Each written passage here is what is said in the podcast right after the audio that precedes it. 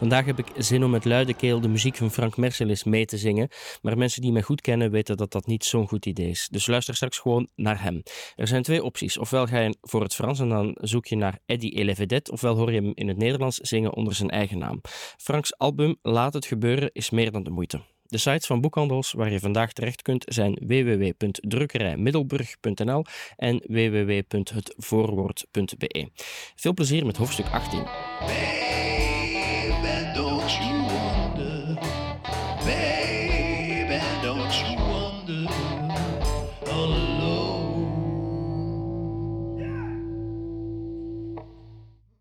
Toen ik de volgende ochtend wakker werd, was ik voor het eerst sinds lange tijd bereid om mijn leven te veranderen. Wanneer Samantha mij begripvol en vol compassie bejegende, kwam ik altijd in opstand en werd ik destructief. Nu ze me voor het eerst sinds jaren grondig de huid had volgescholden, had ik gek genoeg zin om te bewijzen dat ze ongelijk had. Er was iets in mij wat hield van geschoffeerd te worden. Zelfs als ik terugdenk aan de talloze beledigingen die ik jaren geleden, in een jeugd waarvan ik mij amper nog iets kan of wil herinneren, van mijn vader heb gekregen, dan denk ik daaraan terug met een zekere warmte. Ik hield ervan om te worden gekleineerd. Misschien omdat ik het dan inderdaad, zoals Samantha zei, voor een keer niet zelf hoefde te doen. Tegen een ander kan je jezelf tenminste nog verzetten. En zeker tegenover mijn ex deed ik dat met volle overgave. Van je eigen gedachten verlies je altijd. Die nacht voelde ik dus een ogenschijnlijk vitale opstand in mij opwellen. De wens om Samantha's ongelijk voor eens en altijd te bewijzen. Het verlangen om haar te tonen dat ik net als zij en Amy kon beantwoorden aan de dictatuur van het geluk als het moest. Ook ik kon mijn leven godverdomme beteren, moeiteloos zelfs. Daar lag het niet aan. Ik had die nacht amper nog slaap nodig. Om zes uur ochtends dronk ik twee liter koffie en nog voor acht uur had ik mijn hele huis opgeruimd. De lege flessen bracht ik netjes weg. Ik dweilde de vloer en stopte mijn lakens in de was. De ramen aan de kant van dat Chinese restaurant openzetten was nog steeds geen goed idee. Maar ik had wel de gordijnen opzij geschoven en mijn ramen vluchtig geboend met zo'n blauwe flacon ruitenspray. Na acht uur haalde ik bij de super in de buurt wat spullen en voor het eerst in mijn leven ontbeet ik niet met honeypops, donuts of bagels vol Nutella, maar met yoghurt en een of ander biologisch zadenmengsel dat mij aan vogelpitten deed denken. Ik dronk twee koppen groene thee en belde daarna mijn dochter op. Amy? Pap? Huh? Wat is er? Vanaf vandaag doe ik met je mee. Wat? Waarmee? Al die dingen die jij doet de laatste tijd. Ik heb het je niet genoeg gezegd en het spijt me. Ik had het moeten doen. Ad, pap, waar heb je het over? Ik heb het over hoe geweldig trots ik op je ben, Amy. Je hebt geen idee hoe goed je het doet. Al die therapie, al dat huiswerk, die zelfconfrontatie, de yoga, het goede eten, het slapen, het sporten, al dat werk. Ik ben fier op je, schat. En ik besef nu dat je gelijk hebt. Waarin? Je kunt niet zitten wachten tot de randen van het dal waarin je in zit zijn weggeërodeerd. Je moet er zelf uitkruipen, je handen vuil maken. Jezelf helpen is iets wat je alleen zelf kunt doen. En ik ga vanaf nu met je mee. Uh, waar naartoe? Naar een beter leven. Amy, luister schat. Ik heb vanochtend op jullie website gekeken en ik zag dat jullie gratis meditatielessen geven in Brooklyn. Mag ik mee? Uh, wanneer is de volgende sessie? Uh, straks om, om half zes. Zal ik je ophalen van kantoor dan? Vijf uur daar? Uh, nou ja, uh, kan op zich wel. Super. En Amy, hè? je bent super belangrijk voor mij. Weet je dat? Ik heb het gevoel dat jij de spil van mijn leven bent en dat ik al die jaren niet had moeten denken dat ik dat zelf ben. Dat spijt me. Oké. En nadat ze dat zei, voelde ik hoe delen van mijn lijf werden aangeraakt door een opluchting die daar lang niet was geweest. En ik genoot van de twee seconden stilte die mij en mijn dochter nu verbonden. Zij hing als eerste op. Aan het eind van de middag nam ik de metro naar Nevins Garden in Brooklyn en liep door een ijskoude maar zonnige winterlucht langs het Potemski Theater naar het nieuwe hoofdkwartier van Balance Inc.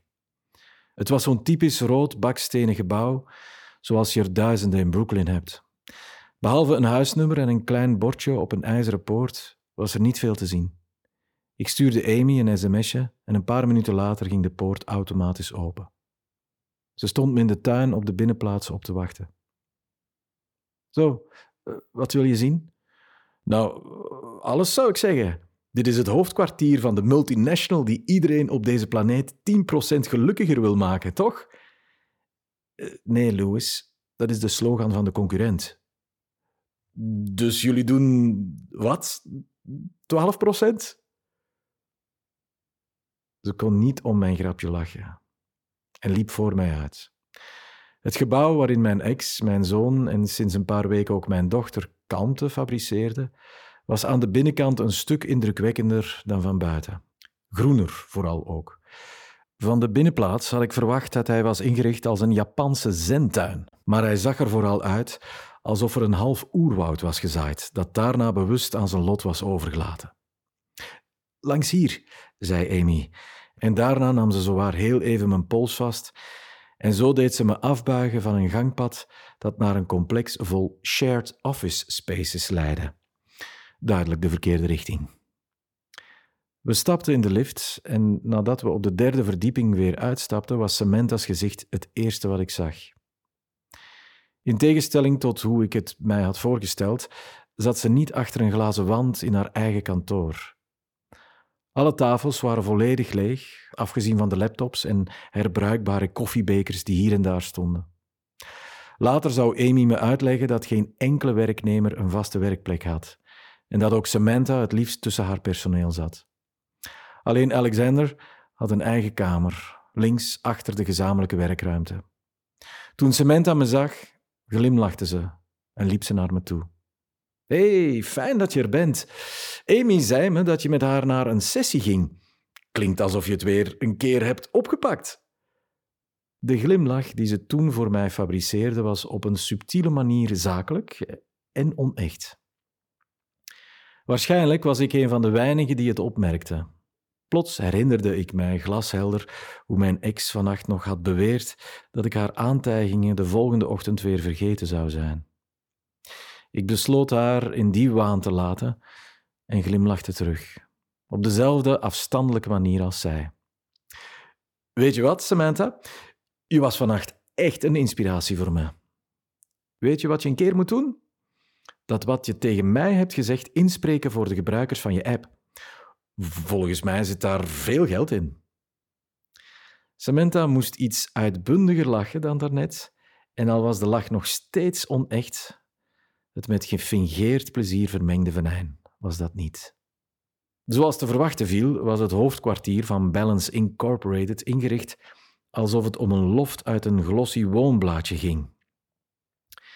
Eigenlijk bevonden we ons niet in een kantoor, maar liepen rond in de scenografie van een rijk, gelukkig en dynamisch privéleven.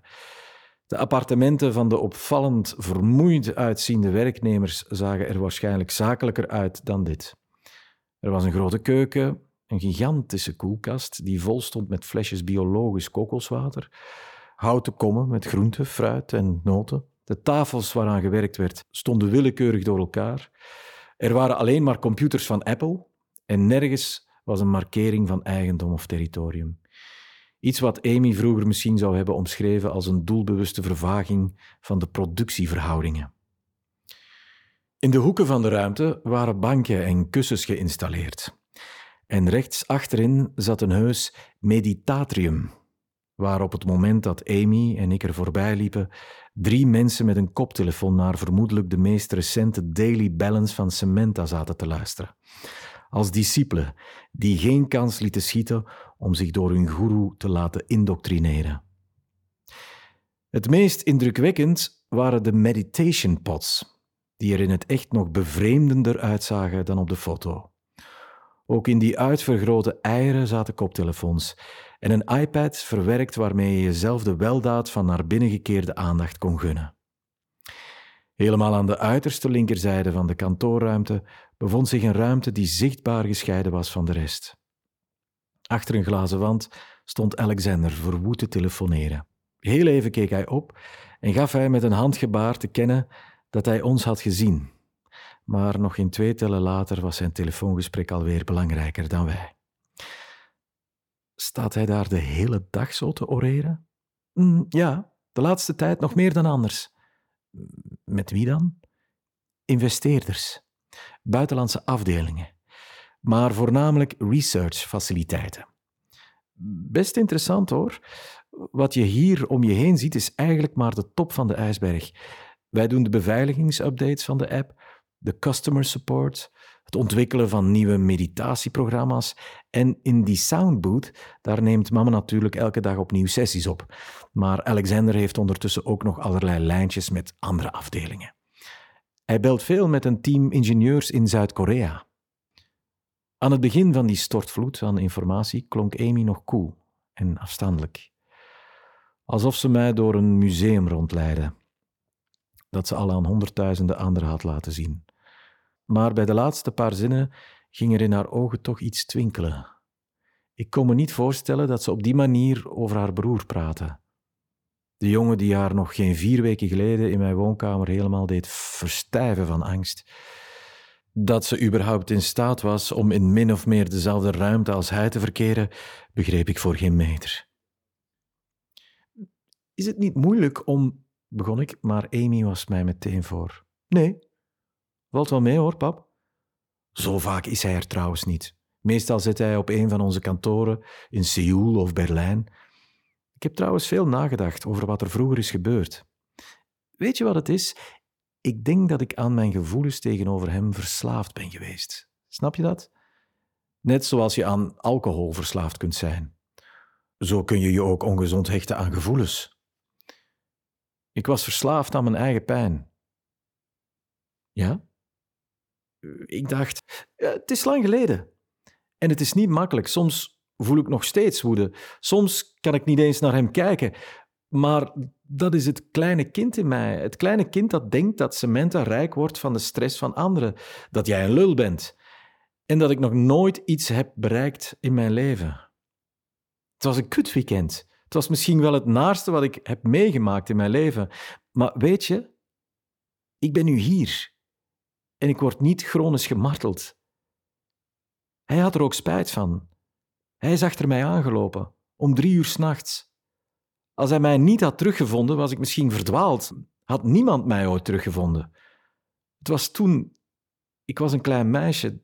Dat kleine meisje las vervolgens te veel boeken en veranderde in een fakes. Jij hebt van die fakes de laatste stuiptrekkingen gezien, Louis? Ik, eh... En door die ene vreemde stameling, maar ook het gekke gegeven dat Alexander gewoon naar ons stond te kijken terwijl we dit gesprek voerden, misschien wel het belangrijkste gesprek dat mijn dochter en ik tot dan toe hadden, gleed de kans om er met Amy dieper op in te gaan voorbij. Dit was niet de plek voor deze conversatie. In dit kantoor, tussen al die quinoa-vretende gelukkige mensen aan hun open workspace flex-tafeltjes, was geen plaats voor al die niet onoplosbare pijn. Ik maakte mijn zin niet af, maar keek Amy aan, hoopte dat ze mij een kans zou geven om haar met mijn blik te bereiken. Amy zuchtte en keek toen weer van mij weg. Nou ja, het is ook wat het is, toch? Laten we maar gaan. We hebben nog maar tien minuten. En opnieuw holde ik achter haar aan. Deze keer niet in een richting die was uitgestippeld door haar niet te overmeesteren angst voor het leven, maar gewoon door een prachtig kantoor met mensen die er alles aan deden geluk uit te stralen, terwijl ze zich kapot werken om dat geluk te fabriceren. Ik haalde diep adem en probeerde mezelf opnieuw in te prenten dat dit het was dat mijn opdracht om haar te redden hierbij was geslaagd en dat ik iedere oprisping van twijfel die mij van het tegendeel probeerde te overtuigen, moest onderdrukken. Amy was inderdaad een klein, monsterachtig meisje geweest. Ik was ook een monster, nog veel meer dan zij. En misschien moest ik nu, net als zij, ook leren om als een volwassene door het leven te gaan. Depressie en angst waren fouten en eindelijk waren we bereid, zij eerst, ikzelf nog schoorvoetend, maar toch bereidwillig om die fouten achter ons te laten. In de lift probeerde ik voor een keer een normaal en simpel gesprekje op gang te brengen over iets wat niet meteen over leven en dood ging. Zeg, Amy, hm? die ingenieurs in Zuid-Korea, uh, wat doen die eigenlijk? Oh, dat is voorlopig nog geheim. Best spannend eigenlijk. Het enige wat ik weet is dat ze technologieën ontwikkelen die onze visie op meditatie nog veel verder brengen dan wat we op dit moment doen met onze app. Ik kreeg koude rillingen toen ze dat zei. Het woordje onze, daar bleef ik bij hangen.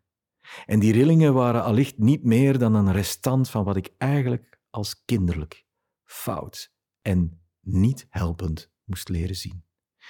Misschien moest ik al die weerstand, te beginnen bij deze middag, eindelijk gewoon een keer afleren.